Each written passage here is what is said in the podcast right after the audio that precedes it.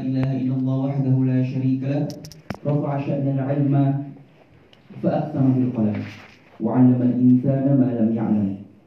وأشهد أن محمدا عبده ورسوله أرسله ربه هاديا وإلى العلم والمعرفة داعيا. وعلى آله وأصحابه والتابعين لهم بإحسان إلى يوم الدين. أما بعد السلام عليكم ورحمة الله وبركاته. وعليكم السلام ورحمة الله وبركاته سعادة الكرام اللجان لمؤسسة السلام في العالمين وسعادة الكرام أيها الحضور الكرام الطلبة. وسعادة الكرام سيدنا الحبيب أحمد بن الرحمن المقدي حياكم الله سيدي أهلا وسهلا. حياكم الله. يسرني الفقير نيابة عن مؤسسة السلام في العالمين أن أرحبكم ونسعدكم في هذه الليلة العظيمة المباركة. وفي جلستنا هذا في هذه الليلة العظيمة من ضمن نشاط العلم الذي عمل المؤسسة السلام في العالمين للتهيؤ وللترحيب لكم كخريج من جامعة الأزهر وقبل رحالكم إلى بلادكم إندونيسيا لخدمة البلاد. نعم. العلم بتنوع أبحاثه وتشعب مسائله يحتاج من طلبه أن يكون واعيا في تحصيله. وكثير من طلبة العلم يملكون الكثير من الأدوات والأوقات ولكن هذا الكثير قد يضيع حينما يفقد الطالب الوعي. ومن هذا الوعي أن يعرض الطالب نفسه على مسلك الطلب وملكاته والغفلة عن ذلك تفقد الطالب كثيرا مما كان خلقا به. ولو أريد أن أطيل كلام فلست متكلم رئيسي في هذه الليلة المباركة. ونقدمكم محورا رئيسيا في هذه الليلة هي آليات صناعة العالم النبي ومكونات ملكاته وقبل أن نعرض الإلقاء من سيدنا سيدنا الحبيب. نريد أن نقرئكم نقرأكم لكم لمعة يسيرة لسيرة الحبيب أحمد بن عبد الرحمن المقدي أيها الأحباب الكرام الاسم للحبيب أحمد أحمد بن عبد الرحمن بن محمد المقدي ينتسب إلى آل بيت رسول الله صلى الله عليه وسلم من أسرة سادة علي بعلم الحضرمي. وينتسب إلى الإمام أحمد الشهيد بن فقيه المقدم محمد بن عبد العلوي. ولد الحبيب في حامي مدينة الحامي التاريخ 9 يوليو سنة 1977 من ميلادية. الموافق ل 22 من شهر رجب سنة 1397 نعم. تربى في أحضان كبار العلماء في بيئة علمية وأخذ علم الشريعة على أيدي من أدركهم من علماء حضرموت وحصل على إجازة علمية دراية كانت أو رواية من عدة مشايخ. ومن أهمهم الأول الحبيب عمر بن الحافظ. الحبيب لازم الحبيب عمر ملازمة تامة. لما حبيب عمر يدرس في شحر. والثاني الحبيب أحمد بن علوي الحبشي وهو سبت صاحب مولد سبت التراب الحبيب علي بن محمد الحبشي الذي دفن في سولو في جبل الوسطى الحبيب أحمد بن علوي الحبشي. الثاني الحبيب عبد الله بن محمود الحداد مفتي حضرموت والحبيب حسن بن عبد بن عبد الله بن عمر الشاطري والحبيب حبيب سليم بن عبد الله بن عمر الشاطري والحبيب بروفيسور عبد الله بن محمد باهرون وهو رئيس جامعة الأحقاف وغير ذلك من المشايخ الكبار الذي تتلمذ الحبيب تحت أيديهم وتربى في أحضانهم وفي سنة 2003 نعم أشار الحبيب عمر إلى الحبيب أحمد لرحلة إلى مصر لطلبة العلم بعدما تهيأ التام في الحضرموت وتم التدريس في الحضرموت فلما اكتمل اكتمل ملكة الحبيب في حضرموت فأرشد الحبيب عمر رحلة إلى مصر ليأخذ تتلمذ على أيدي علماء الكبار المصر في سنة 2003 ومع دعم كبير من الحبيب بروفيسور عبد الله بهرون رئيس آه، جامعة الأحقاف. نعم. ومن آه، أهم علماء آه، المشايخ الحبيب في مصر الأول بروفيسور دكتور علي جمعة مفتي مصر. نعم لما كان حبيب شيخ علي ألقى المحاضرة في رواق. رواق مغربة.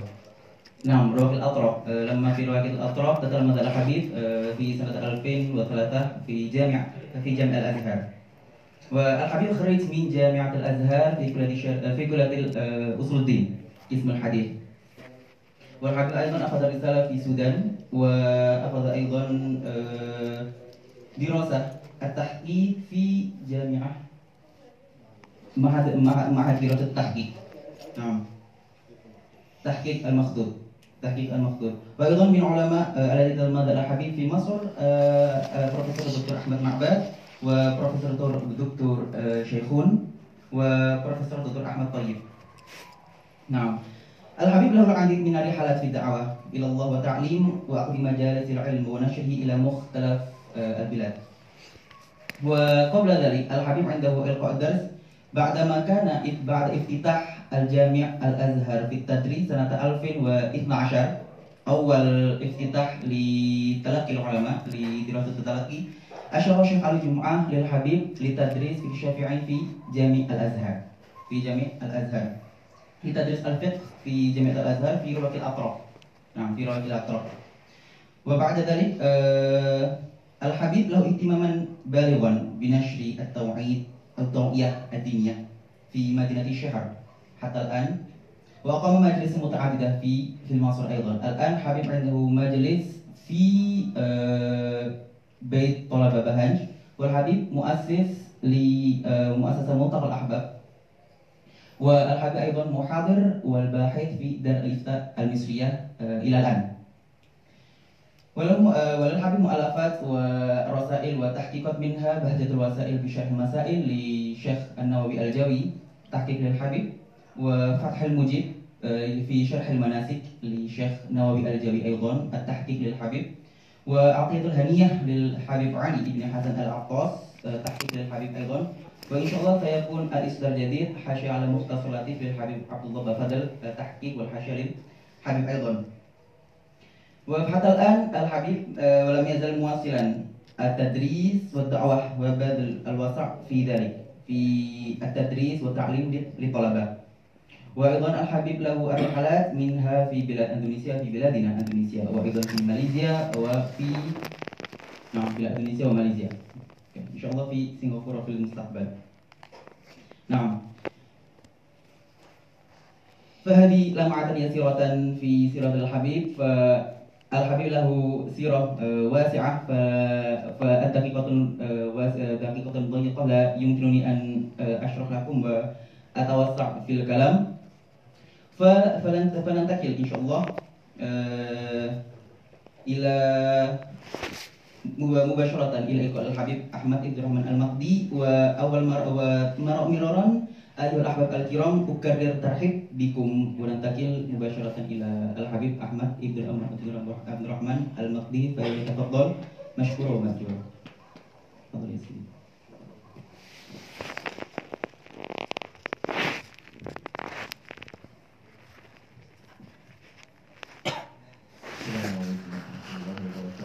وعليكم السلام ورحمة الله وبركاته بسم الله الرحمن الرحيم الحمد لله رب العالمين الرحمن الرحيم الذي علم الإنسان ما لم يعلم. الله سبحانه وتعالى أخرجنا من بطون أمهاتنا لا نعلم شيئا فمن علينا بالتعليم. وطلب منا المزيد في ذلك. وجعل منا وحثنا على الدعاء فيه وطلب المزيد في ذلك. وقال لنبيه عليه الصلاة والسلام وقل ربي زدني علما. فطلب وأمر سيد الخلق بطلب المزيد من هذه النعمة. نعمة المعرفة ونعمة العلم. فنحمده سبحانه وتعالى على هذه النعمة. العلم ونعمة المعرفة والزيادة منها والاستزادة فيها والتعلق بها والملازمة لها. ونصلي ونسلم على سيد الخلق صلوات الله وسلامه عليه. سيد المرسلين حبيب رب العالمين إمام المعلمين وقائد الغر المحجلين وعلى آله وصحبه والتابعين له بإحسان إلى يوم الدين. أما بعد. فشكرا جزيلا على هذه الاستضافة وشكرا جزيلا على هذه الفرصة الكريمة آه، للحديث معكم في هذه المؤسسة المباركة آه، مؤسسة مؤسسة السلام في العالمين. مؤسسة السلام في العالمين. وما شاء الله نعم الاسم ونعم هذا الاسم الكريم ونسأل الله سبحانه وتعالى أن نكون ممن ينشر السلام في العالمين. نعم. وهذا هذه المؤسسة بهذه الفكرة على هذه الطريقة وعلى هذا الرسم توفيق من الله سبحانه وتعالى ونعمة تستحق منا شكرا وتستحق منا الحفاظ وتستحق منا معرفة هذه النعمة بالقيام على عليها بواجبها. نعم إذا والنعمة تدوم وتثمر بالشكر والخير على الحفاظ عليها. آه. وإلا ستزول والعياذ بالله وهذا ما لا نريده. فهذا أمر أولا بعد الشكر ثم بعد حسن الثناء والتقديم من ابننا وتلميذنا وحبنا الشيخ فاتح حفظه الله تعالى وشكرا جزيلا على هذه الكلمة والتوفيق ونسأل الله سبحانه وتعالى أن نكون عند حسن ظن الجميع ثم أما بعد حتى لا لا أطيل في الحديث في هذه المقدمة ندخل إلى صلب الموضوع مباشرة دون تمهيد طويل وعنوان هذه الندوة أو هذه الفعالية آليات صناعة العالم النبي أو آليات العالم النبي ومكوناته ومكونات ملكاته آه. آليات صناعة العالم النبي ومكونات ملكاته طبعا العنوان بهذه الطريقة مختار آه، لغرض لأن صناعة العالم آه، صناعة العالم تركة وصناعة ثقيلة ليست بالسهلة أو الهينة. فيجب أن ننتبه لهذا الأمر. أولا لماذا صناعة العالم؟ لأن في صناعة العالم صناعة عالم. هذه نقطة ممكن لو عندكم سبورة نكتب في سبورة موجودة آه يعني حتى مكتوب وتكون هذه الندوة وهذه الفعالية مثمرة لماذا تم اختيار العنوان هكذا صناعة آليات صناعة العالم النبي نعم آه طبعا. المراد بالآليات الوسائل ما هي الوسائل التي ينبغي علينا أن آه، نسترشد بها ونتوسل بها في صناعة العالم؟ النبي في صناعة العالم النبي فهنا عندنا قضية مهمة. لماذا تم اختيار هذا العنوان وقلت لكم السبب لاختيار هذا العنوان آليات صناعة العالم النبي ومكونات ملكاته. واحد لأن في صناعة العالم. الواقع صناعة عالم. صناعة عالم فإن الله سبحانه وتعالى يحيي بالعالم أمة من العالمين.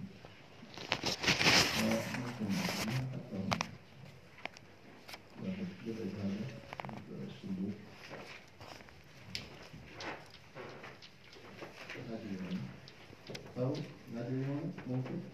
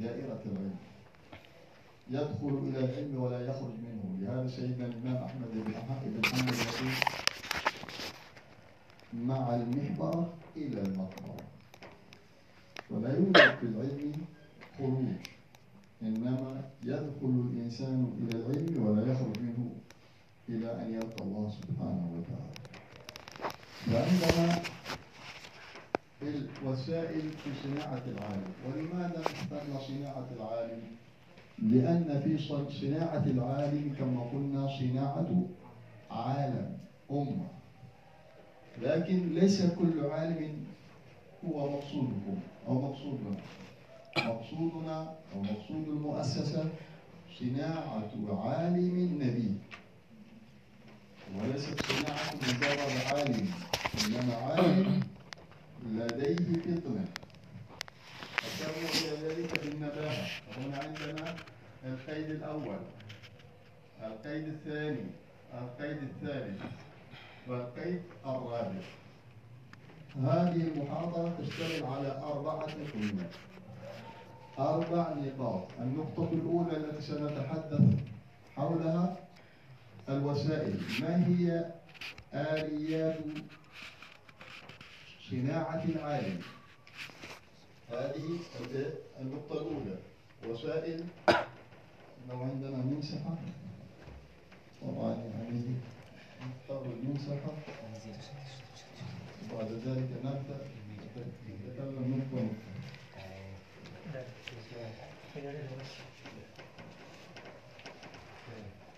النقطة الأولى هي الآلات.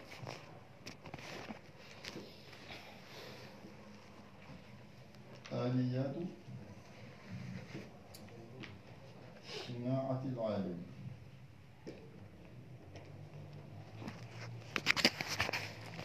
النقطة الثانية هي صناعة العالم.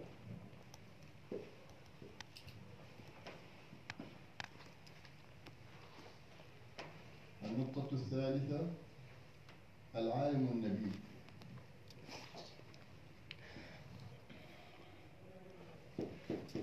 النقطة الرابعة مكونات الملكات.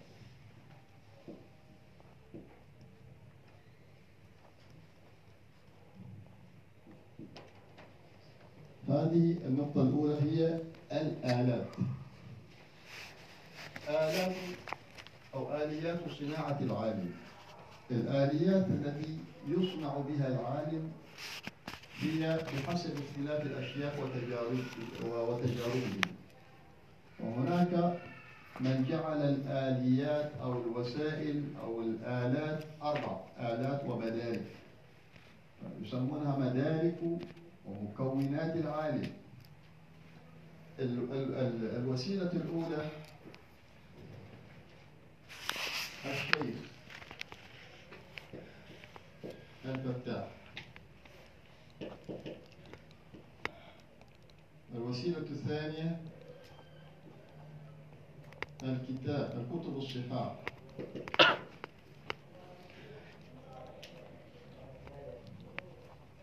الكتب الصحاح الثالثة الوسيلة العقل الرجاع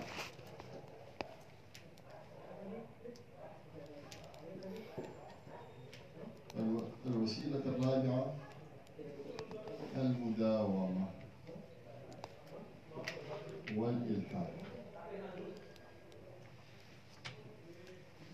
هذه أربع جعلها بعضهم أربع والإمام الجويني جعلها ستة فقال في البيتين الشهيرين أخي.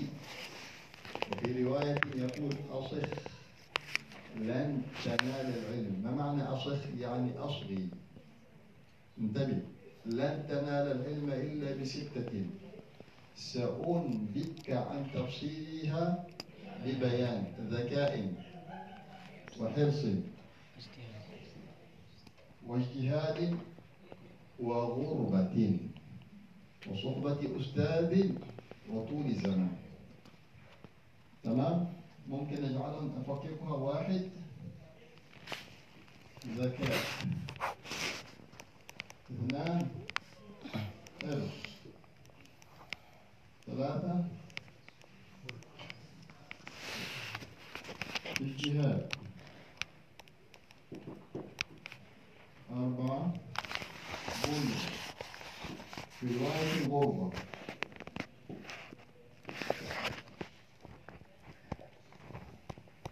ستة خمسة صحبة أستاذ ستة طول زمان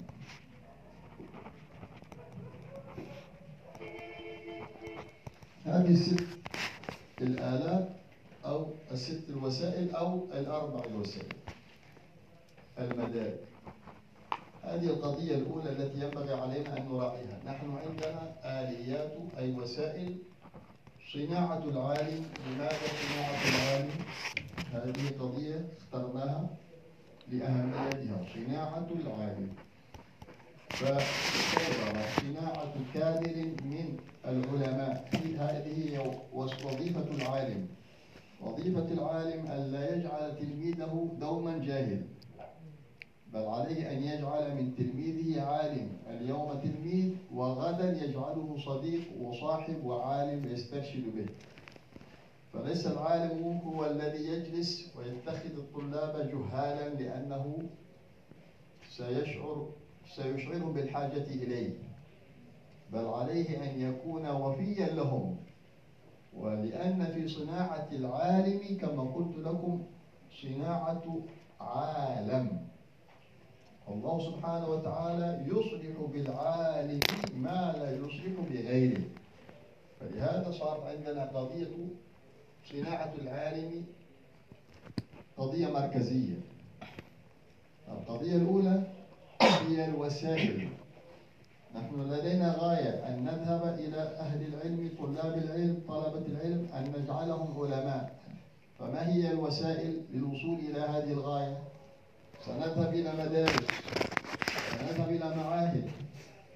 أنت الآن جئت إلى هذا المعهد لا لتأخذ أجرا بمقابل إنما لتقوم بوظيفة. هي وظيفتك الرئيسية هي مهمتك الأساسية. أن تبني أمة من وراء بناء العلماء فكيف ستذهب إلى هذه الغاية النبيلة إلا بوسائل مهمة؟ فما هي الوسائل المثمرة التي ينبغي عليك أن تتوسل بها في صناعة العالم؟ فهذه قضية مهمة في صناعة العالم. الصناعة. الصناعة يعني إيه؟ يعني الصناعة يعني أن الإنسان آه، يتمهر في صناعة العلماء والملكات كالذي يقوم على صناعة الآلات هذه الإلكترونية. فهذه صناعة. فهذه الصناعة لا تكون وليدة لحظة إنما وليدة صبر وجهد وتعب وخبرات ومراقبة والصناعة آه، فيها نوع من آه، التتبع والاستمرار والرصد والتطور فأنت كنت ترى التكييف ليس على هذا الوضع. التكييف كان على هيئة مختلفة. لم يكن هناك تكييف. فكيف حصل عندنا تكييف؟ هناك صناعة حرفة يعني إيجاد شيء ما بعد أن لم يكن. لكن بطريقة الإيه؟ بطريقة آه، آه، صناعة ملكة وفرق بين الصناعة بكسر الصاد والصناعة. قالوا الصناعة اسم لما كان من المحسوسات والصناعة لما كان من المعنويات. فالشعر صناعة والفقه صناعة يعني أن تجعل هناك فقيها صناعة تصنع فقيها وتصنع محدثا وتصنع مفسرا وتصنع صوفيا إذا هناك نوع من آه ماذا؟ آه المزاولة والمتابعة ويعني آه الإيجاد على مراحل مفهوم؟ نعم فالصناعة على هذا المعنى؟ صناعة العالم النبيه لماذا العالم النبيه؟ نعم العالم النبيه هو الذي يعرف وسيلته المهمة في الأخذ ووسيلته المهمة في الأداء. يعرف عن من يأخذ ويعرف لمن يعطي. العالم النبيه هو الذي يتفطن لكل ما يلقى إليه. العالم النبيه هو الذي عرف الأمانة فوضعها في كنزها هذا هو العالم النبيه الذي نعرفه. العالم النبيه الذي عرف زمانه ومكانه وعرف مقاله وحاله. هذا هو العالم النبي. لا نريد واحد ببغائي. مجرد أنه يلقن فيتلقن. ليست فيه نباهة. المراد بالعالم النبي أنك تصنع عالما حافظا للعلم وتصنع فطنا عاقلا محافظا على عقله. عالم نبي ولهذا قالوا العالم النبي قديما العالم الذي يكتب أحسن ما يسمع. عنده عنده آلية الاختيار حسن الاختيار. عالم النبي لديه فطنة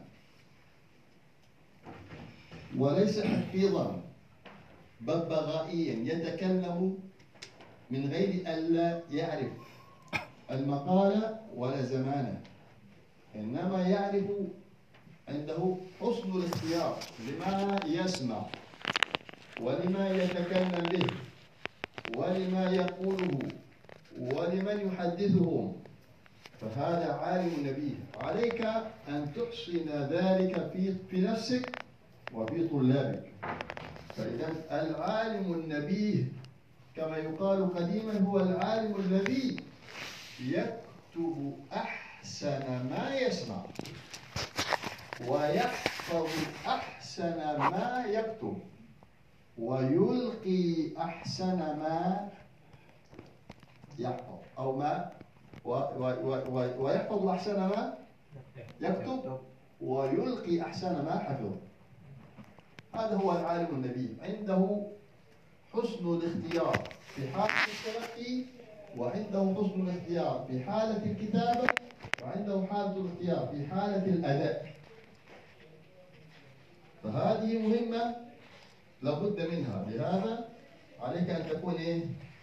فطن العالم النبي هو مكونات ملكاته آه. فليس بعالم من لم يصل العلم فيه إلى هيئة راسخة ليس بعالم مكونات الملكة هذه المرتبة الرابعة وهي غاية العالم لأن العلم يطلق على إطلاقات ثلاثة. سجل عندك حتى تكون عالما نبيا العلم يطلق بمعنى الإدراك.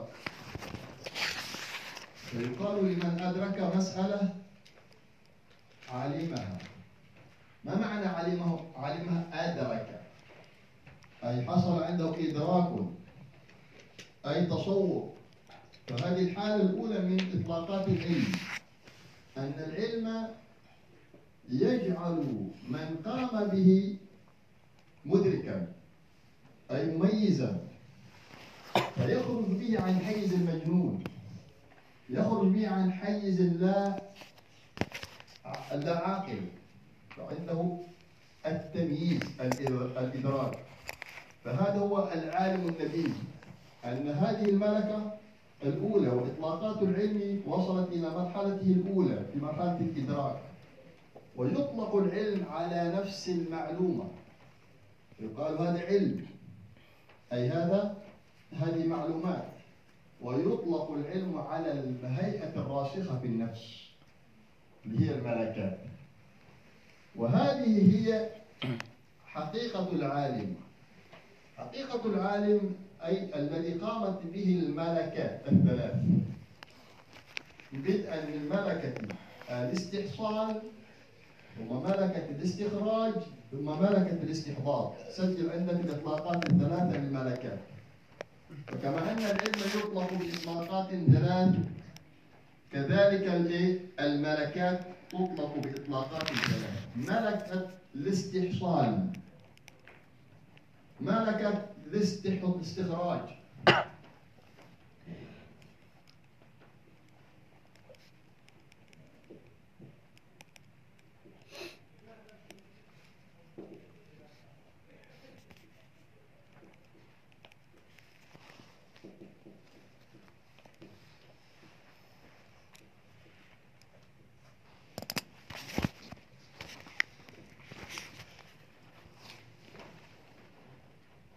الملكات الثلاث ومكونات ملكات المكون الأول الملكة الأولى هي ملكة الاستحصال وهذه ملكة تحصل عند المبتدئين ثم ملكة الاستخراج وهذه ملكة تكون عند المتوسطين ثم ملكة الاستحضار وهي ملكة الاستنباط وهي تكون عند المنتهين فهمتم؟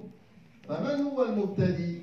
المبتدي هو الذي آه لا يتصور العلم يحتاج إلى من يصور له. فأنت كمعلم عليك في مرحلة التعليم الأولى أن تكون أن تكون متقصد. لديك غاية في إيجاد هذه الملكة في أذهان المتعلمين لكودرة العلماء. فالعالم الكبير لا يصنع ابتداء كبيرا إنما يمر بمرحلة المبتدئ. ثم المتوسط. فكل واحد يخرج من بطن أمه ليس بعالم. فإذا به يخرج في العلم فما من منتهي إلا وهو مر بمرحلة الابتداء. الوصول إلى الغايات دون البدايات وقوع في المهارك. سجل عندك. الوصول استهداف الغايات دون البدايات وقوع في المهالك أو وقوع في المهلكات. فلا بد من مراعاة حالة المبتلي. فمن أشرقت بدايته أشرقت نهايته. من لم تكن له بداية محرقة لم تكن له نهاية مشرقة. ودوما من وراء العالم النحرير من وراء العالم الكبير هناك عالم نبيه خرجه في مرحلة الابتداء. شوف إذا ذهبت إلى العلماء الكبار في عصرنا هذا فستجد أن العلماء الكبار في عصرنا هذا صنعهم علماء نبهاء أخيار في مرحلة الابتداء. حسن الابتداء عليه يقوم حسن الانتهاء. حسن الابتداء. انتبه أن تيأس أو تقول لم لم أنزل المنزلة الصحيحة لماذا يجعلونني مدرس المبتدئين؟ لا أحسن المعلمين من كان يقوم على تدريس المبتدئين. هي اللحظة الأولى لصناعة العالم النبي. هي المرحلة الأولى لصناعة مل- ملكة الاستقبال هذه يجب عليك وأنت في مرحلة تعليمك وكودرة العالم بداية كودرة العالم تبدأ من من من الميل. بداية الألف ميل ميل. بداية المليون خطوة الخطوة الأولى. فبداية الأرقام هي أهم إيه؟ ما تنبني عليه الأرقام الكبيرة. فما من عمارة برج إلا وقام على أساس. إذا لم يقم الأساس صحيحا فالبرج وإن على سيسقط. فإذا حالة المبتدئين هي ملكة الاستحصال. هذه وظيفة خطيرة جدا جدا جدا. كيف نبدأ في صناعة العالم من حالة الابتداء؟ صناعة جيدة. انتبهوا في هذه المرحلة. إياكم أن تكونوا مغفلين. لا تكن عالما مغفلا تذهب إلى المبتدئين فتشرح لهم كأنك تشرح للمجتهد الجامعة كما يفعل لك الأساتذة فتبدأ تنظر في الحواشي والشروح والعلوم وتدخل العلوم كلها مع بعض وأنت تدرس المبتدئ. وتقول أنا سأريهم عضلاتي. أنني عالما أنني عالم موسوعي. فهذا ما لا يفعله عاقل. هل رأيت أمك وأنت في مرحلة الصبا تطعمك طعام الكبار؟ قال العلماء طعام الكبار سم الصغار. طعام الكبار سموه الصغار. فانتبه. أنت الآن في هذه الحالة الأولى عليك أن تستهدف هذه الملكة. ملكة إيه؟ الاستحصال ما معنى ملكة الاستحصال؟ حصول صورة الشيء في ذهن المبتدئ. هو الآن مبتدئ. فأول ملكة تصنع هي ملكة الاستحصال. ثم ملكة الاستخراج. ثم ملكة الاستحضار. فلا يكون عندنا مجتهد إلا وهو في مرحلة الأولى هو في مرحلة المبتدئ. كيف تقوم على صناعة المبتدئ صناعة جيدة؟ لأن هذا صاحب ملكة أنت تريد أن تغرس فيه ملكة هي ملكة الاستحصال. أي أن تكون نفسه مدركة. تصورا صحيحا للعلم أي للمسائل أي للمباحث لكنها إيه؟ مسائل في مرحلتها الأولى. مسائل مجردة. ما معنى مسائل مجردة؟ دون خوض في التفاصيل. مسائل مجردة إجمالية دون خوض في الخلاف. مسائل مجردة في مرحلتها الأولى إجمالية دون خوض في الدليل. ووجه الدلالة دون خوض في علوم أخرى. فقط تكون في هذه الحالة كمعلم. ما هي الحالة التي ينبغي عليك أن تكون فيها كمعلم؟ الوقوف عند المسائل إجمالا.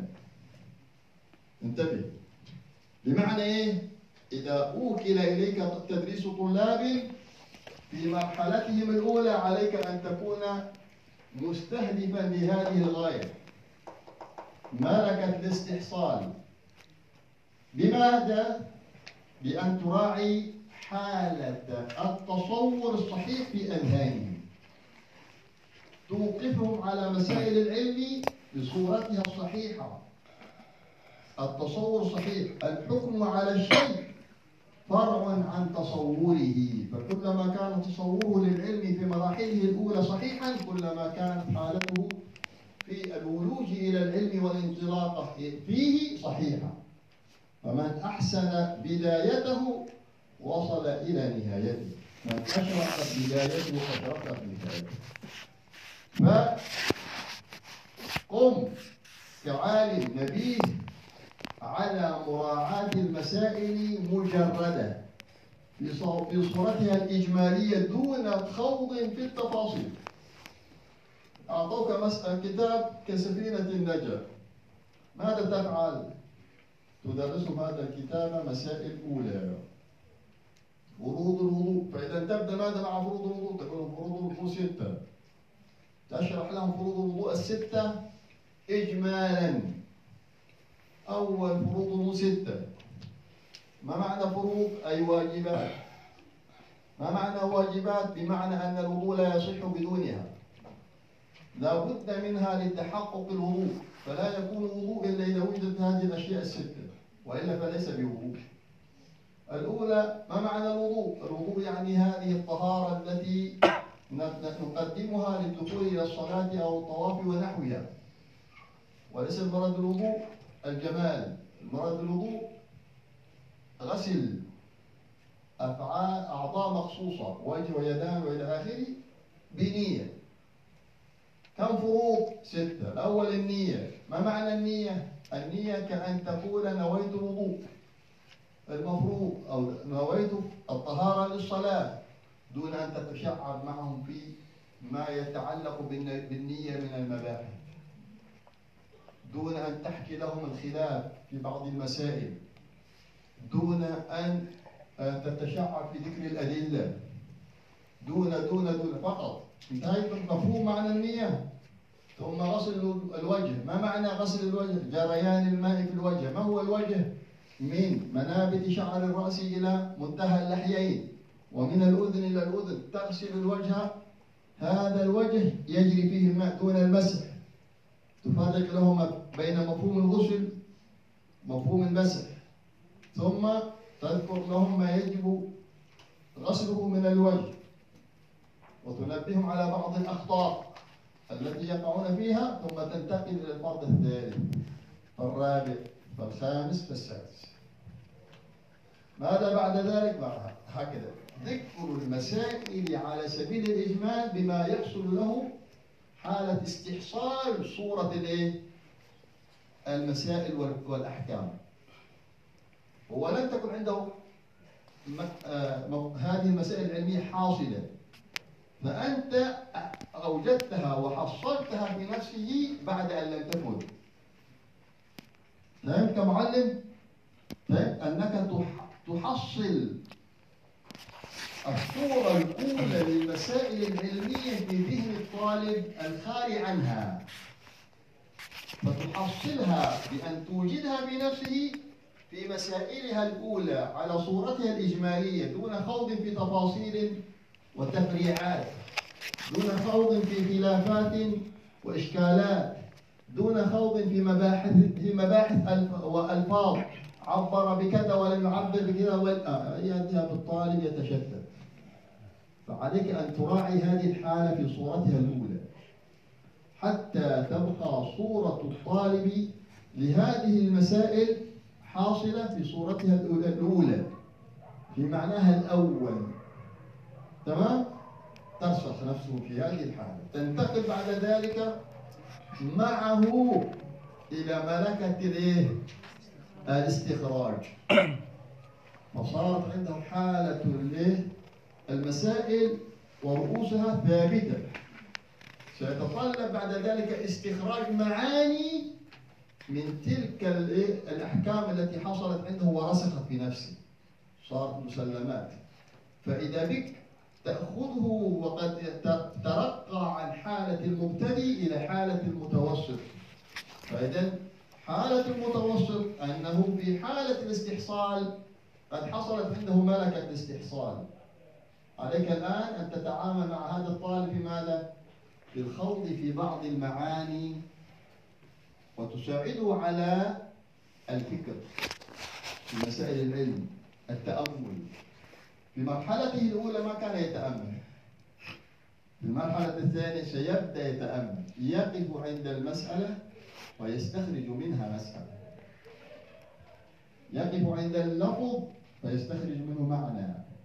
ويقف عند المعنى فيستخرج منه معنى ثاني فإذا به يبدأ يخوض في المفاهيم. مفهوم؟ فهذه حالة لابد منها. أن يفرق ما بين المعاني والمفاهيم. أن يربط ما بين المعاني والمفاهيم التي بينها أشباه وبينها نظائر وبينها فروق وخلافات. وبعد ذلك إيه؟ لكنه لا يستطيع أن يهتدي إلى الدليل فتساعده على ذكر الدليل. فإذا بك تذكر له المسألة ودليله وتذكر له اللفظ والمعنى المستخرج منه. ثم بعد ذلك خلاص تحتاج إلى ما هو أكثر من هذا. وإذا كان منتهي وإذا كان منتهي هذه ليست وظيفتك أنت. أنت الآن لست في هذه المرحلة. أنت محتاج إلى أن تصل إلى هذه المرحلة. هذه حالة المنتهي ملكة الاستحضار؟ أنه يستحضر المعاني الغائبة من المعاني الحاضرة.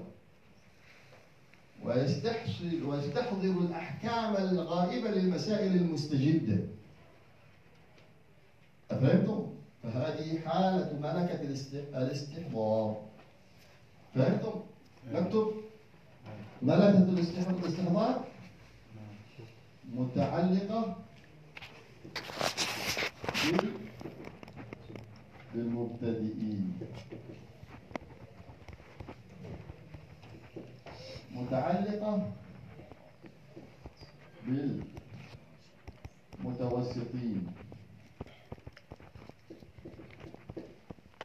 متعلقة بالمنتهين فهمتم؟ فإذا عندنا الآن هذه الأشياء التي علينا أن نراعيها يا أحباب انتبه في صناعة كادر فيدي صحيح أن تراعي الملكة فأنت عالم نبيه عليك أن تضع الشيء في نصابه. حسن الاختيار. فلا تأتي بطعام طعام الكبار لتلقمه الصغار. فأنت أمام آلات صناعة العالم وتبدأ هذه الآلات في صناعة العالم من حالة الآلات التي تحتاجها بدءا من الشرك. فأنتم من أهل العلم وشيوخ لكن هذا الشيخ عليك أن تراعي أن يكون شيخا فتاحا. كيف تكون شيخا فتاحا؟ اسأل نفسك كيف أكون شيخا فتاحا؟ كيف تكون شيخا فتاحا؟ كيف تكون أستاذا فتاح كيف تكون أستاذة فتاحة؟ معنى كونك شيخا أي أنك وصلت إلى حالة من العلم والرسوخ فيه ثم صرت في حالة من العلم والرسوخ فيه إلى حالة من الاهتداء بالعلم. إذا علم وعمل. الشيخ الفتاح هو العلم العالم الذي اقترن علمه بعمله وصار يهدي. ما معنى يهدي؟ نعم يدل. معنى يهدي ويدل؟ يعني يرشد. صار يدعو. يهدي بلفظه ويهدي بلحظه. يهدي بروايته ويهدي برؤيته. يهدي بقوله ويهدي بحاله.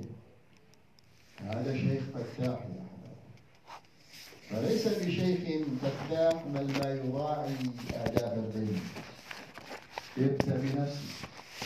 ابدأي بنفسك. فأنت في محل القدوة فالآلة الأولى من آلات العلم من آلات صناعة العلم أن نصنع الشيخ الفتاح. الآلة الأولى من صناعة كادر علمي تبدأ بالشيوخ. لا تبحث عن طلاب وأنت ليس لديك شيوخ. لا تقول أنا سأبني مدرسة. وستكون هذه المدرسة سبع نجوم فخمة. سأجعل مؤسسة. وصفها كيت وكيت وكيت وأنت ليس لديك كادر. الذي يصنع الرجال. من يصنع الرجال ليست المباني. من يصنع الرجال هي الرجال. قال بعضهم في مدح العالم قال يبني الرجال. هذا يبني الرجال.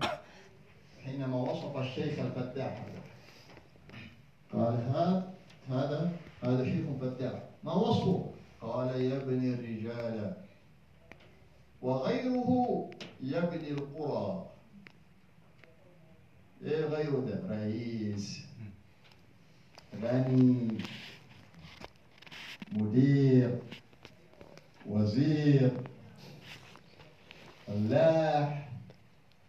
بناء. مهندس. هذا يبني إيه؟ يبني قرية. اشتباه لكن هذا هذا يبني رجال. قال يبني الرجال وغيره يبني القرى. شتان بين قرى وبين رجال. شتان بين قرى بين قرى وبين رجال. ما معنى قرية؟ قرية يعني بناء حسي مجرد. لا روح فيه. لا حياة فيه. أين حياته؟ الرجال. أين روحه؟ الرجال أي الإنسان لهذا قال في مدحه قال يبني الرجال وغيره يبني قرى يبني القرى شتان بين قرى وبين إيه؟ بين أول آلة أول وسيلة أول وظيفة أول خطوة نحو كودرة العلماء نحو صناعة العلماء أن نبدأ بصناعة الشيخ الفتاح وأول مرحلة من مراحل بناء الطلاب بناء صحيحا أن نوجد شيخ شيوخا فتاحين هذه الخطوة التي قامت بها المؤسسة هي خطوة صحيحة نحو صناعة الشيخ الفتاح فيقولون لكم اعتنوا بالعلم. يقولون لكم لا تفكروا في العلم. نحن سنساعدكم في البلغة في المال. عليكم أن تساعدوننا في صناعة عقولكم. عليكم أن تساعدوننا في صناعة أرواحكم في صناعة أخلاقكم. ما ينبغي أن يكون طالب أن يكون الشيخ المعلم حاله لا يدل على أنه من انتبهوا أنا أكون معكم صريح واضح يعني أنت أستاذ في أي كلية؟ قسم إيه؟ عقيدة فلسفة وأنت؟ أصول في أي كلية؟ وأنت كلكم فلاسفة ومتكلمين وأنت تفسير علوم القرآن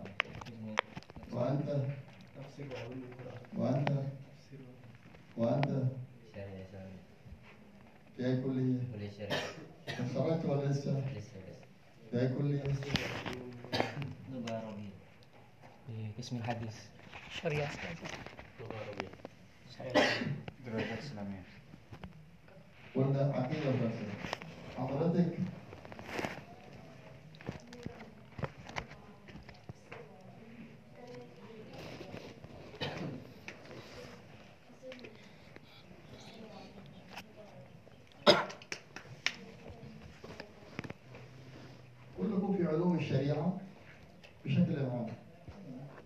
عليك أن تكون من أهل العلم بالشريعة مقالا وحالا بمعنى إيه؟ أن تراعي مروءة أهل العلم آداب أهل العلم خلاص وصلت الرسالة؟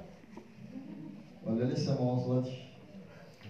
لسه ما وصلت لسه خلاص خلينا نكون قريب من المعنى يعني الآن كيف أنا أعرف أن هذا الشيخ أزهري؟ ما بعرفش الله. خلاص أنا سأذهب الآن إلى المستشفى طيب كيف سأعرف لو خرجت إلى الشارع كيف سأعرف أن هذا جندي شرطي أو عسكري؟ ها؟ ب- بلباسه يعني يعني بالحفاظ على هيئته نعم خلاص وصلت الرسالة؟ وصلت إذا كيف تعرف أنك أنت شيخ فتاح؟ مكتوب كده؟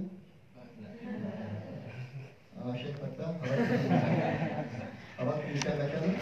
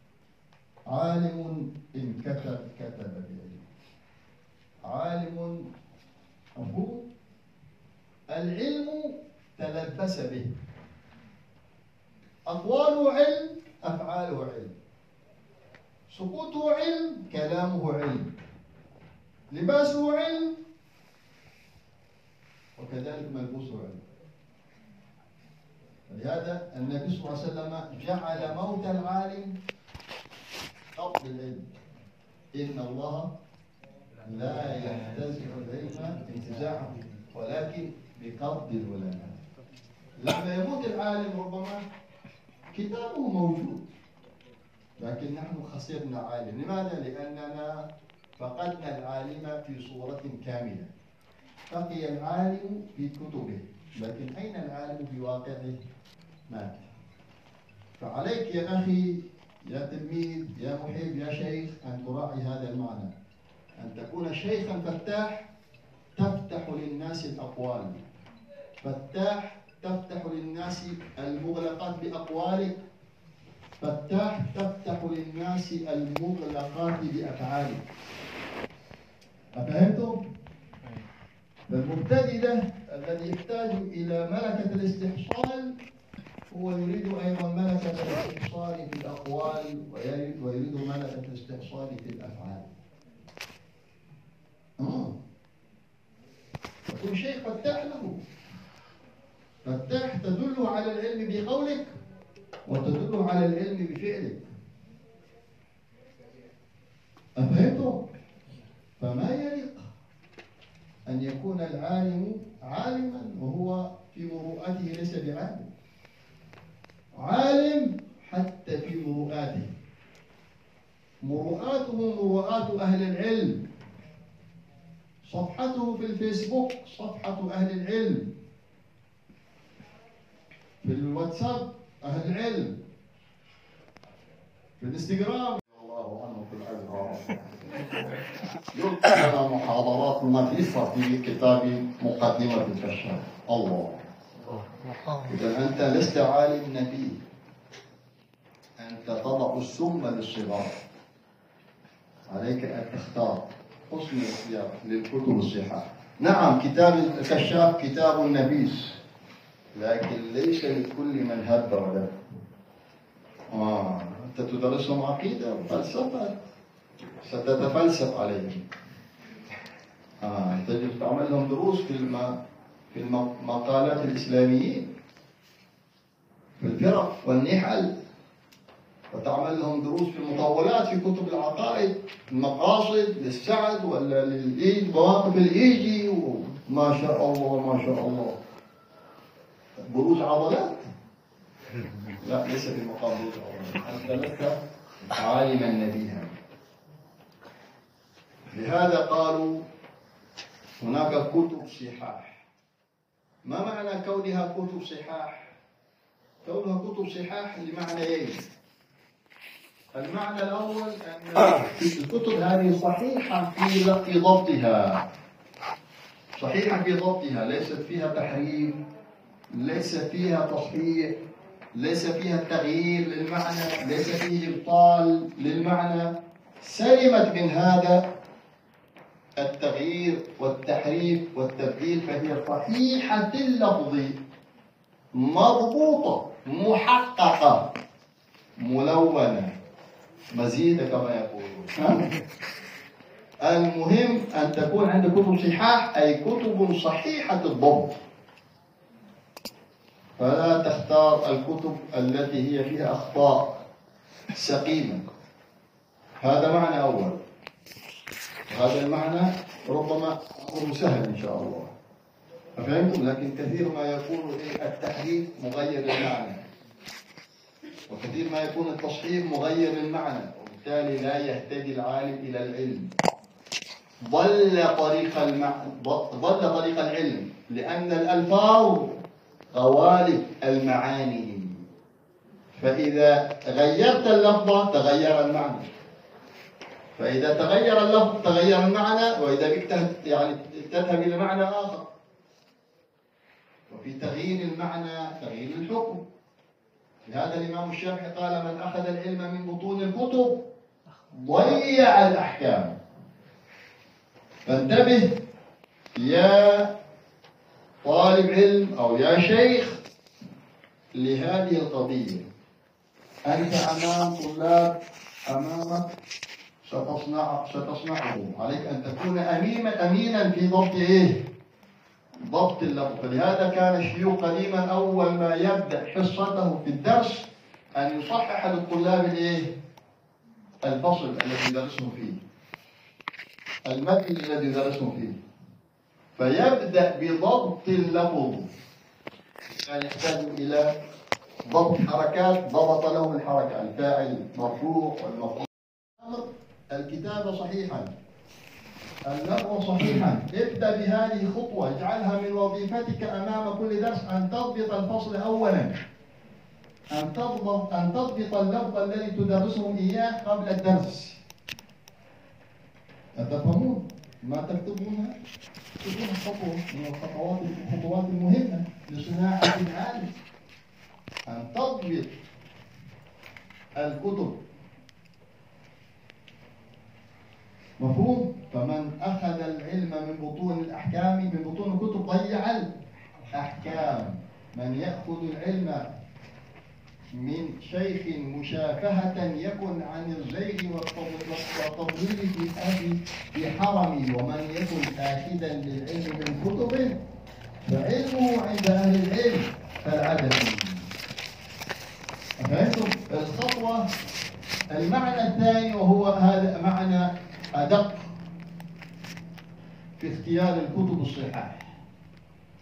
ما معنى صحاح أيضا يا أحباب؟ ما معنى صحاح معنى صحاح أن المعنى صحيح. المسائل الموجودة في الكتب تلقاها العلماء بالقبول. فكونها كتب صحاح أي أن هذه الكتب تلقاها العلماء بالقبول. ما تشتمل عليه هذه الكتب من المسائل والعلوم متواترة. تلقتها الأمة بالقبول فليس فيها شيء مما يعارض العقيدة. عقيدة فلسفة.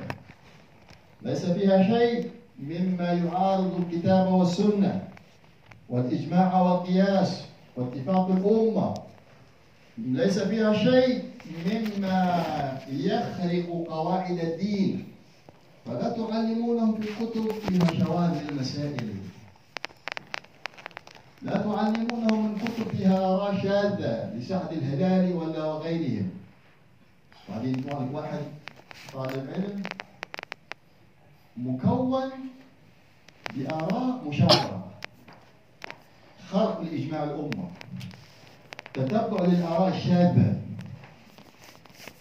تشتمل على عقيدة فاسدة عقيدة الوهابية والمجسمة ونحو ذلك. انتبهوا عليكم أن تتبعوا سلف الأمة. أئمة المذاهب الأربعة أهل السنة والجماعة أشاعرة وماتريدية. هذا أهل التصوف النقي ليس أهل التصوف المنحرف أو أهل الابتداع أو من الوهابية أو من غير من أهل الملل والنحل أو من أهل التشيع. كتب صحاح. صحاح تشتمل على معان ومسائل وأحكام متواترة تلقتها الأمة بالقبول. ليست كتب تشتمل على مسائل غريبة وآراء شاذة وأحكام ما أنزل الله بها من سلطان. وتقول لهم هذا تجديد؟ أنا خريج الأزهر. الأزهر علمك أن تتبع الآراء الشاذة. أما أن الأزهر حصن حصين لعلوم أهل الأمة الإسلامية. الأزهر حصن حصين لعلوم الأمة تراث الأمة. فتكون على منهج الابتداع. لا على منهج الابتداع. فتبدأ باختيار الكتب الصحاح. فإذا هي كتب صحاح لفظا وضبطا وكتب صحاح معنى وحكما. اكتب صحاح على معنيين. صحاح ضبطا ولفظا أو صحاح لفظا وضبطا وصحاح معنى وحكما. ليس فيها خرق لآراء الأمة. يطلع لك واحد بعدين ليبرالي. يطلع لك واحد علماني لماذا أنت أنشأته في الكودرة غلط أتيت له بكتاب تقول هذا كتاب يتوافق مع روح العصر. عصر الليمون ولا عصر الزيتون؟ ها؟ عصر إيه؟ عصير؟ عصير القصب؟ ها؟ عصر إيه؟ ما هو العصر؟ هناك حالة من التجديد يعرفها أهل ملكة الاستنباط أو الاستنباط التجديد الذي ليس فيه تمديد تمديد فرق بين التجديد والتبديد التبديد يعني هدم. التجديد لا التبديد. آه اكتب التجديد.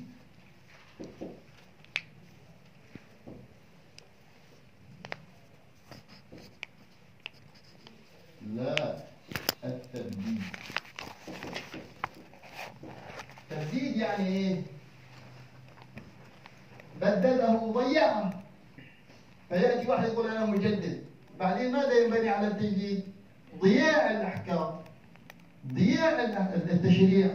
هذا ليس تجديد التجديد هو أنا سألت مجدد. أكسر العماره أجدد يعني أغير ما كان من ما علق بالبناء الأساسي من بساط قديم آتي بجديد. دهان قديم أعمله جديد. لمبة آتي بلمبة جديد. لكن ليس التجديد هو أن تزيل شيئا من أصله. إنما التجديد إزالة ما علق به مما ليس منه. التجديد أن تتعاطى مع الأحكام في صورتها بحسب واقعها. من الأحكام ما هي ثوابت ومن الأحكام ما هي متغيرة. فإذا أنت تتعاطى مع الثوابت كثوابت وتتعاطى مع المتغيرات بحسبها. هذا روح التجديد. لكن من الذي يتعاطى مع هذه الروح؟ المنتهي مش المبتدئ. مش المتوسط. فإذا عليك أن تراعي هذه الملكات. فانتبهوا فبعض الطلاب مساكين. بعض الأشياخ لا يميز. لا يميز. فصار عندنا شيخ ليس مميز. كمثل الصبي غير مميز نحتاج إلى شيخ فتاح ومعه كتب صحاح يعرف ولهذا قالوا الكتب عندنا في المدارس العلمية هناك كتب ثابتة تلقاها العلماء بالقبول وهناك كتب قالوا هذه كتب حذر منها العلماء. لماذا العلماء حذروا من هذه الكتب؟ لاشتمالها على مسائل غريبة آراء شاذة مخالفة لإجماع الأمة مخالفة لجمهور الأمة مو إلى آخره مش آه فإذا انتبه وأنت تصنع الكاذب. عليك ألا تصنع كاذرا مشوها. ألا تصنع كاذرا مشوها. الحالة الثالثة انتبهوا هذا بعض الناس أحيانا ممكن يشرح شيء من كتب العقيدة يشرح لكم الجوهر عن طريقة المجسم. هذا ممكن. نسميها جوهرة وهي في الحقيقة ليست جوهرة. هي إيه؟ هي حاجة كده تافهة ليست بجوهرة ليست مجوهرات. فانتبهوا. الحالة الثالثة العقل الرجاح. العقل الرجاح العقل أساس العلم. إذا أردت أن تصنع عالما فاصنع عقلا. إذا أردت أن تصنع طالبا عليك أن تنير عقله كيف تنير عقله؟ عليك أن تقوي ملكة التمييز. فتبدأ معه تحاوره ابدأ معه بالمثال ابدأ معه بالصورة مبتدئ متوسط. اصنع العقل.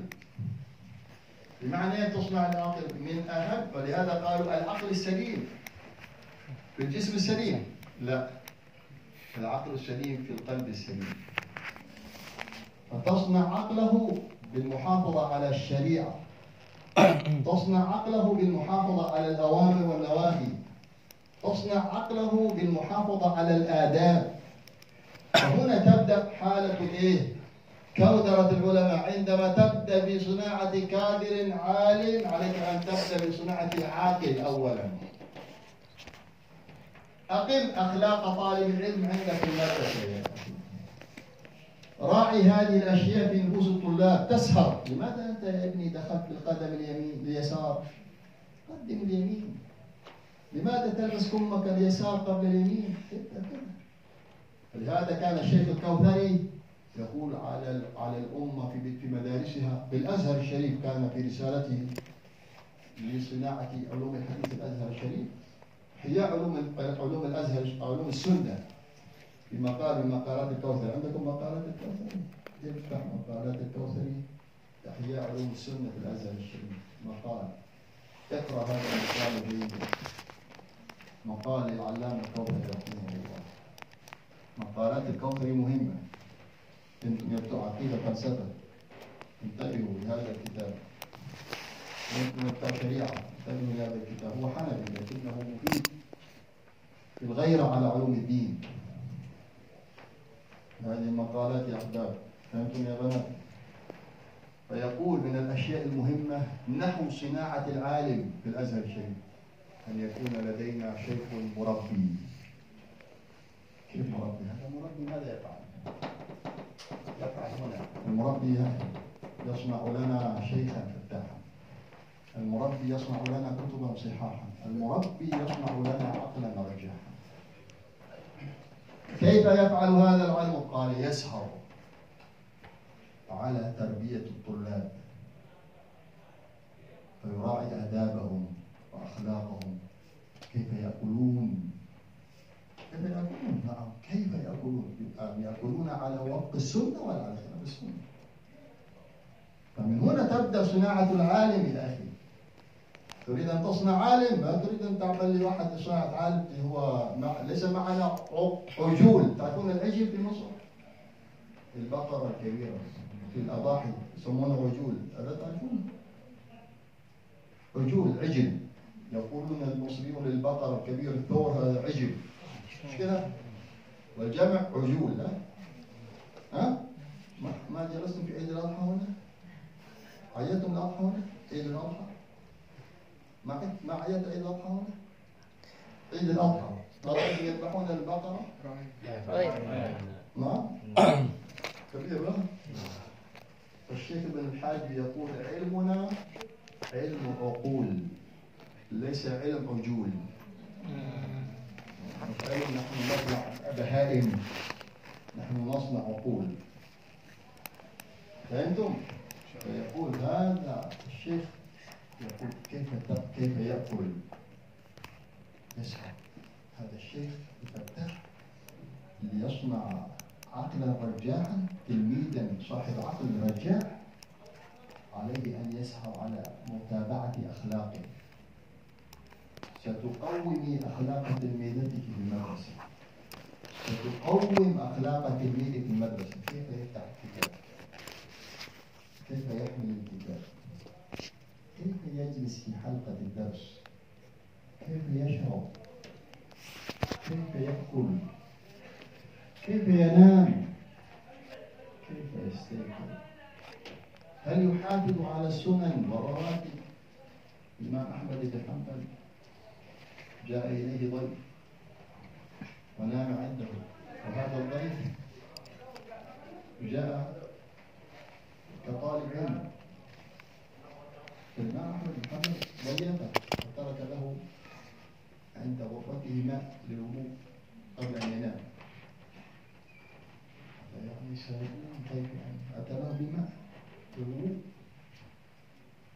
فجاء قام آخر الليل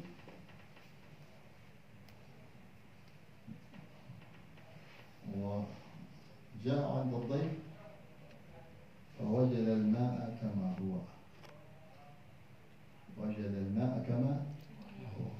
كيف يزعم أنه طالب علم وليس له قيام الليل؟ هذا ما استعمل الماء. هذا ما توضأ الله. أنا تركت له ماء ليتوضأ لأنه أظنه سيقوم الليل لأن طالب العلم في أذهانهم عند السلف ليس بطالب علم إلا إذا كان صاحب عبادة. كيف هو طالب علم وليس صاحب عبادة؟ كيف يزعم أنه طالب علم وليس له حظ من قيام الليل؟ آه شوف كيف. حينما تبدأ في صناعة العقل الرجاح ابدأ في صناعة أخلاقه صناعة روحه له ورد يحافظ عليه وليس له ورد يحافظ عليه. محافظ على مروءاته. يسهر انتبه. اسهر على أخلاقك وأخلاق تلميذك. آه فهمتم؟ لا تترك طالب العلم هكذا يأكل. بكيفما اتفق. لم يراعي الاداب النبوية في الطعام ولا في الشراب ولا في المنام ولا في اليقظة ولا في الدخول ولا في الخروج ولا في اللباس ولا في النزع ولا في النعل ولا في كذا هكذا فوضى كالبهيمه ثم نقول نصنع كادرا من العلماء. ما فيش هذا. الكلام هذا كذب. هذا خداع. هذا غش. هذا خيانة. العلم للعمل لا للجدل. تفهمون هذا؟ هذه قضيتك. هذه أمانتك. عقل رجاح تمييز ما بين الأخلاق الحسنة والأخلاق الرديئة. فمن الذي يصنع هذا العقل الرجاح؟ العقل الراجح. الراجح الفارق الذي يفرق ما بين الأشياء الحسنة والأشياء القبيحة. الآن التيك توك الفيسبوك التويتر كرتون الأطفال توم جيري وغيرهم. هؤلاء هؤلاء ماذا يفعلون؟ هذه تضلل العقول. تريد أن تمسح في أذهان الناس الفطرة. في أن لا يبقى عند الطفل في عقله الأول حالة من التمييز. كل شيء عنده جائز. ممكن يقطع أخاه لأنه سيرجع لأن امرأته مجري يتقطع ويرجع مرة ثانية. مش كده؟ أنت ترى توم جيري يتقطع كده وبعدين توم ولا جيري؟ جيري غالبا. اين أين توم؟ القط ولا ال- توم الكبير. القط توم لا. آه. توم مسكين هذا. ويرجع في لحظة بسرعة. فهو سيقتل أخاه لأنه يظن أنه مثل مثل توم سيرجع. يسقط من مكان فوق إلى مكان تحت ويظن أنه سي- سينجو لأن التوم يفعل هكذا. وجيري يعمل هكذا. بعدين يسقط وبعدين لا يقوم يموت. من الذي خلق في عقول الطلاب وعقول الأطفال هذه النفوس ال- ال- الضائعة؟ ال- هذه الكرتونات المصنعة. هذه حالة من مسح العقول. أضر على الناس. التلفزيون اضر عقول الأمة. الفيسبوك التويتر التيك توك الانستغرام كل هذه استه- استهدفت أخلاق الأبناء واستهدفت عقول الناس. ألغت حالة الإيه؟ حالة الفرق. الآن صارنا صرنا نسمع حاجة جديدة. إيه هي؟ المثلية. الرجل يتزوج على الرجل. المرأة تتزوج على المرأة. ما فيش مشكلة. والدولة تقول آه نعم هذه الديمقراطية. ويريدون أن ينشئون الجيل في المدارس وفي المدارس الابتدائية على قبول المثلية من حالته الأولى. ابدأ من الطفولة والغي هذه العقلية الراجحة. ابدأ بصناعة العقلية الغبية. حتى تقبل إيه؟ تقبل هذا الشذوذ تقبل الخروج على الفطرة. من الذي سيقوم على مراعاة هذه الأمانة أمانة العقول؟ أنت. اصنع كابرا وعالما نبيها ابدأ بصناعة العقل. وبد- وبدءا بصناعة النفس والروح. والقلب يا خادم الجسم كم تشقى لخدمته؟ أتطلب العلم أتطلب الإيه؟ أتطلب. أتطلب يا خادم الجسم كم تشقى لخدمته؟ أتطلب ال- الربح مما فيه؟ خسران. أتطلب الربح مما فيه؟ خسران. فانهض إلى الروح فاستكمل فضائلها فأنت بالجسم فأنت بالروح لا بالجسم إنسان. أنت بالروح إنسان. لهذا يقول الحبيب أبو بكر المشهور العقل السليم في الروح في القلب السليم وليس في الجسم السليم. في الروح في القلب السليم. غذي روح وقلب تلميذك بالقرآن. غذيه بكلام النبي صلى الله عليه وسلم بالأوراد. فإذا ما كان قلبه سليما كان عقله سليم. وروحه سليمة. وصار عقله أقرب إلى اقتناص العلوم من العقل الذي فيه معاصي. أتفهمون؟ ماذا تفعل؟ احرص على أن تقول لتلاميذك لا للموبايل لا للفيسبوك لا للتيك توك لا لا لا إلى آخره.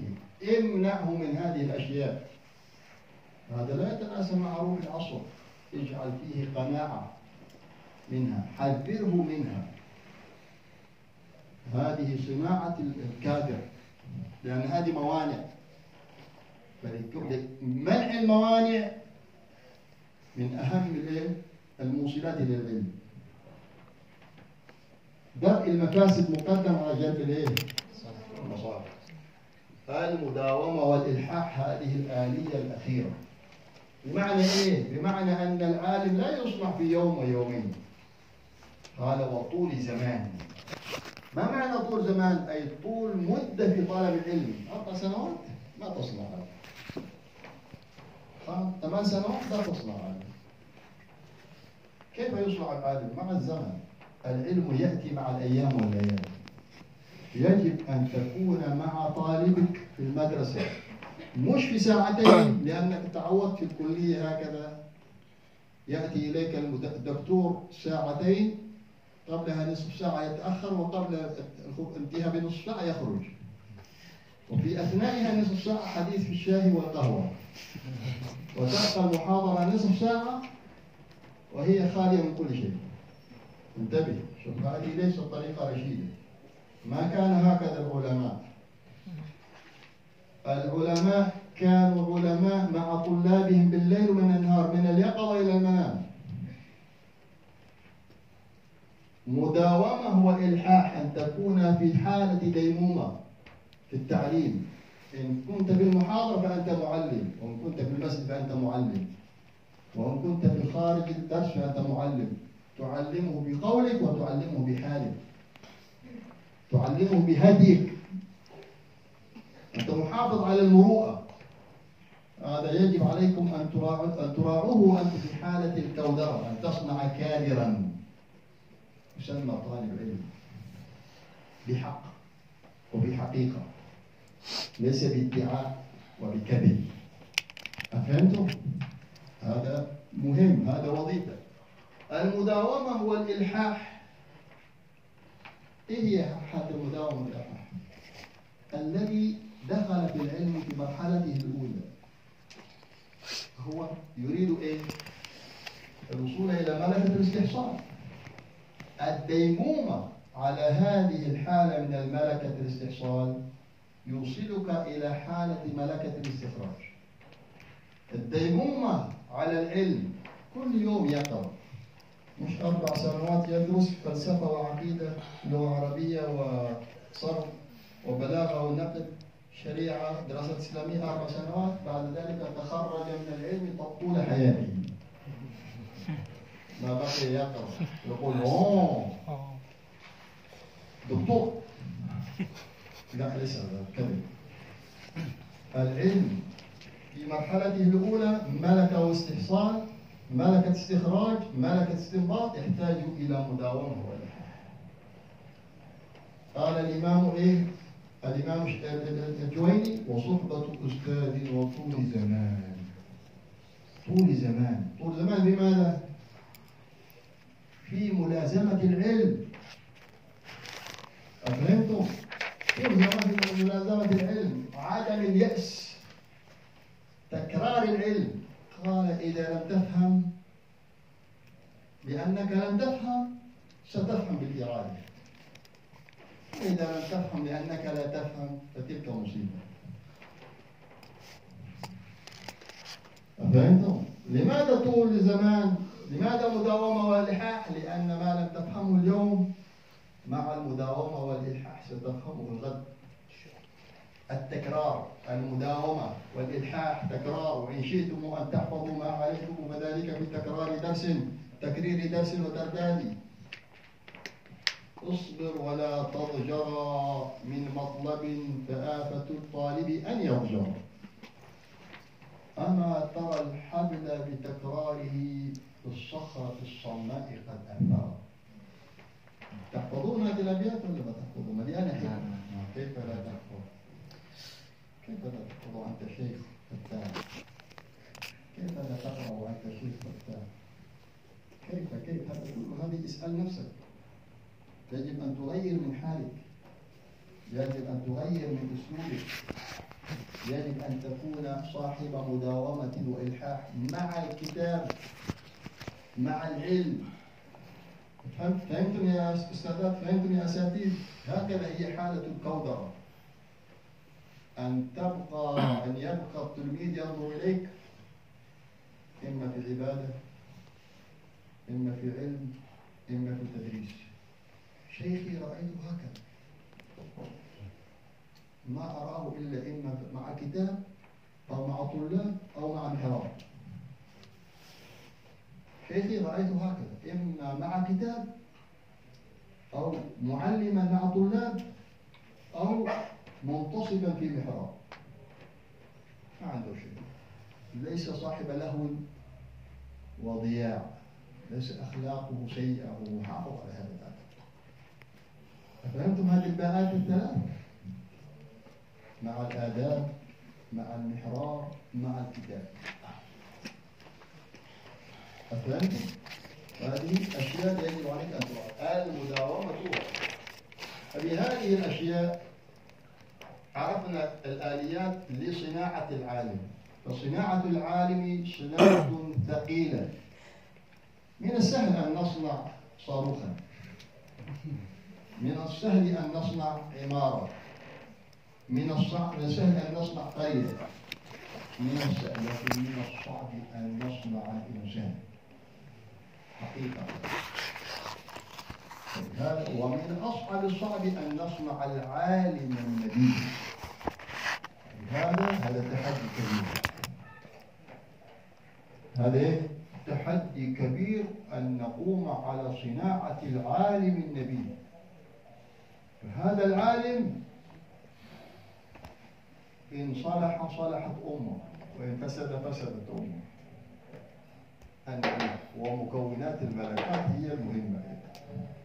خلاص؟ فهذا والله أعلم وأحكم وصلى الله وسلم وبارك وسلم على سيدنا محمد وعلى آله وصحبه وسلم والحمد لله رب العالمين. والعفو على الإطاعة في حد عنده سؤال؟ بارك الله لأنك ما زلت في مراحل الطلب والأخذ إياك أن تظن أنك تخرجت إذا استقللت فليس التخرج هو الاستقلال.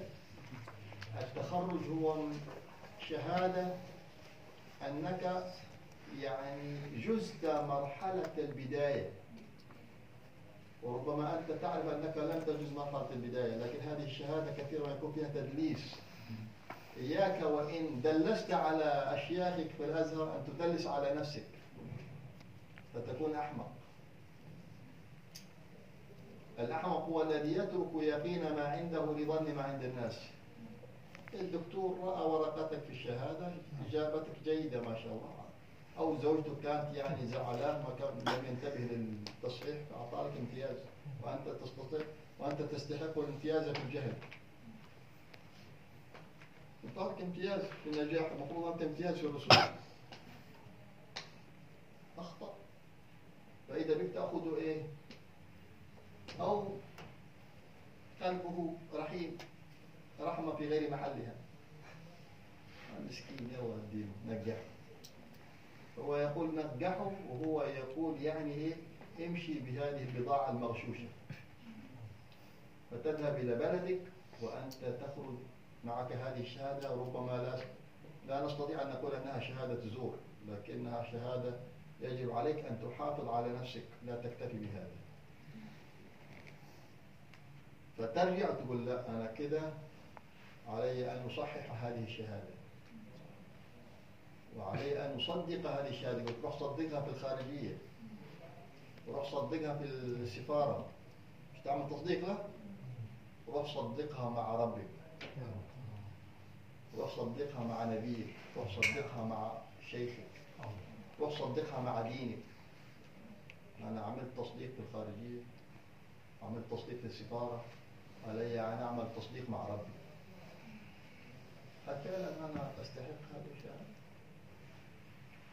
أعمل تصديق بينك وبين ربك انتبه.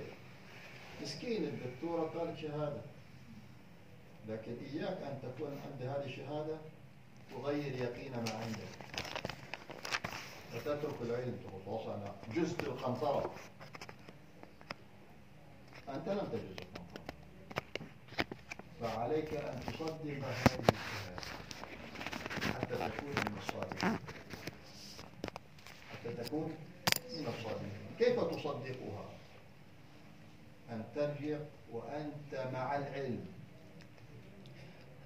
أن ترجع وأنت مع المحبرة. أن ترجع وأن تبحث عن الأشياخ الصادقين في بلدك.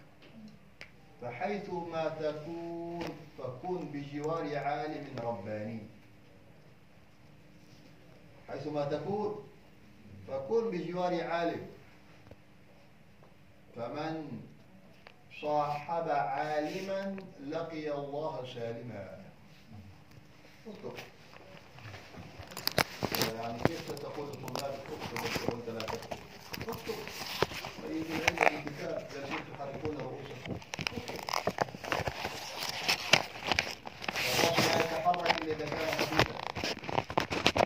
على راسك مليئا بالعلم ثبت اكتب أيوه خليك حاضر قيد العلم بالكتاب.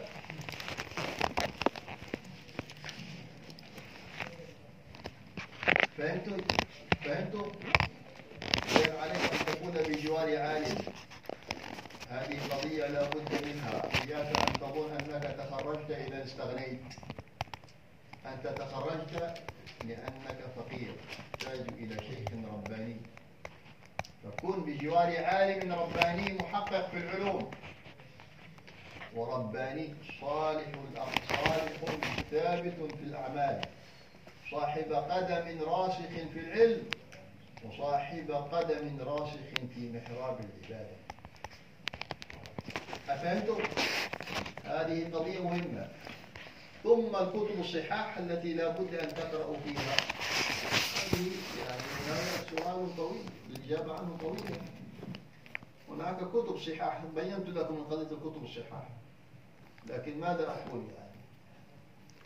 كتب في ما في مناهج التعليم ولا كتب في مناهج الإيه؟ في العلوم؟ في مجال في, في كل علم من العلوم.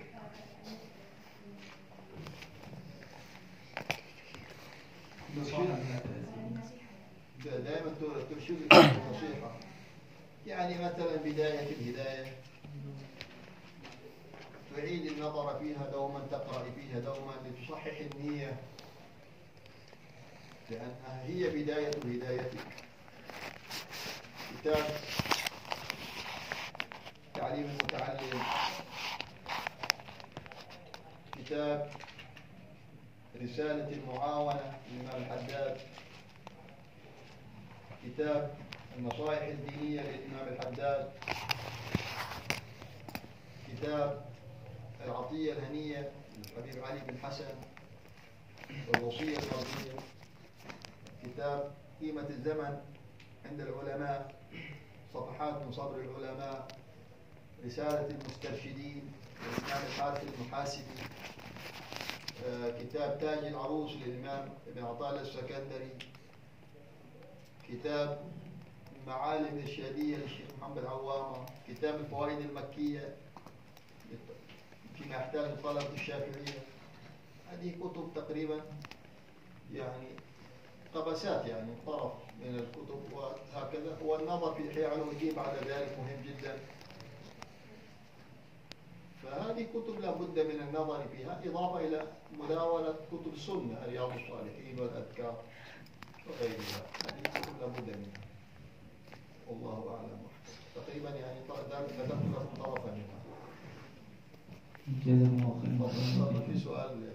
تمام تفضل. نعم في مسألة شيخ الفتح يعني كيف نجد شيخ الفتح هل اشتراك كل ثلاثة حتى نرى شيخه؟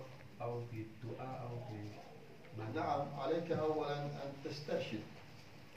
يعني تسترشد النصيحة من أهل الأمانة في النصيحة من أهل الديانة. ثم إذا نصحك الناصح بأن تذهب عليك أن تذهب وأنت يعني في حالة آه، ماذا؟ تشوه لا في حالة تقليد أعمى وأيضا عليك بالدعاء. بأن يرشدك الله سبحانه وتعالى إلى شيء فتاة كثير ما حصل للعلماء أنهم وقعوا في حالة من هذه الحيرة فاسترشدوا الله سبحانه وتعالى في الدلالة إلى شيخ الفتاح. والشيخ الفتاح الذي جمع ما بين أمرين مهمين. يفتح الله تعالى به عليك في مجال الأقوال ويفتح الله تعالى به عليك في مجال الأفعال. يدلك على الله بمقاله ويدلك على الله بحاله. يهديك بلفظه ويهديك بلحظه. علم مقاله علم وأفعاله علم. رؤيته علم وروايته علم. ليس الشيخ الفتاح الذي يتكلم بكلام فصيح وأفعاله كلها غير فصيحة خطأ. وإياكم يا أحباب. أنا يعني ونعوذ بالله من الأنف صناعة طالب العلم مهمة جدا يا أحباب. نحن للأسف ما زلنا أمام بعض طلاب العلم وذكرتها في في مدارس كثيرة في دروس كثيرة وفي الروحات وفي الدروس. ذكرت لكم أن من طلبة العلم من هو كالصبي غير المميز. طالب علم طالب علم هو فيه لحية. وربما معه شهادة اللصوص بالغ عاقل لكنه في العلم صبي غير مميز. ما زال لا يميز ما بين الناس. ما زال ما يميز ما بين أدعياء العلم. فيظن أن كل من حمل شهادة الدكتوراه هو عالم. وهذا خطأ. هذا خطأ. أتفهمون هذا؟ فالعقل الرجاح هو العقل الذي يكون في طالب العلم رجاحا أي مميزا ما بين القبيح والحسن. وحسن والحسن وحسن الحسنيين هذا أصعب حالة من حالة؟ التمييز هذا حسن وهذا حسن لكن أين حسن الحسنيين؟ هذا هذا هذا أعلى في مراتب؟ العقل الرجاح الذي يميز فيما بين ما بين الأولويات ومنها الكتب التي تشترونها أحيانا تظن أن فيها العلم فإذا بك تدخل السم إلى بيتك تشتري كتابا تظن فيه علم فإذا به أفعى يفسد عليك عقلك ودينك وخلقك وولد تصاحب في الفيسبوك ولا في التويتر ولا في الانستغرام لا يستحق الصحبة إذا أنت تدخل إلى بيتك الشيطان. هذا كلها أشياء مهمة جدا. لهذا يا أحباب لا يستقيم العلم دون تربية. إطلاقا. مدارسنا المسلمين المسلمين تختلف عن مدارس الكفار. نحن المراتب العلمية عندنا تقوم على العلم والأخلاق في مراحلها كلها. نحن المسلمون أصحاب هدي أصحاب اقتداء. لا يوجد عندنا حالة الكفار في مدارس اختلاط ذكور بإناث وإفساد وإف- يعني كل هذا الشيء من ماذا يجوز؟ هذا هذه حالة البهائم والعياذ بالله. نعم والله أعلم. في سؤال ثاني الآخر تمام ليس في كتاب الجزاء إلا أن أتقدم الجزيل لفضيلة سيدي الحبيب وما أنقه الحبيب آه، الليلة آه، يمثل قول الشاعر؟ ولو أن أهل العلم صانوا صانهم ولو عظموه في النفوس لعظم ولكن أهانوا فهانوا ودنسوا وحيروا بالأطمع حتى تجهما وقد قال الشاعر ما حاول العلم جميعا أحد لا ولو مارسه ألف سنة. فإنما العلم بعيد الغرو فخذ من العلم أحسنا ويعظمنا في تحديد الوقت وإلا فالموضوع يطول.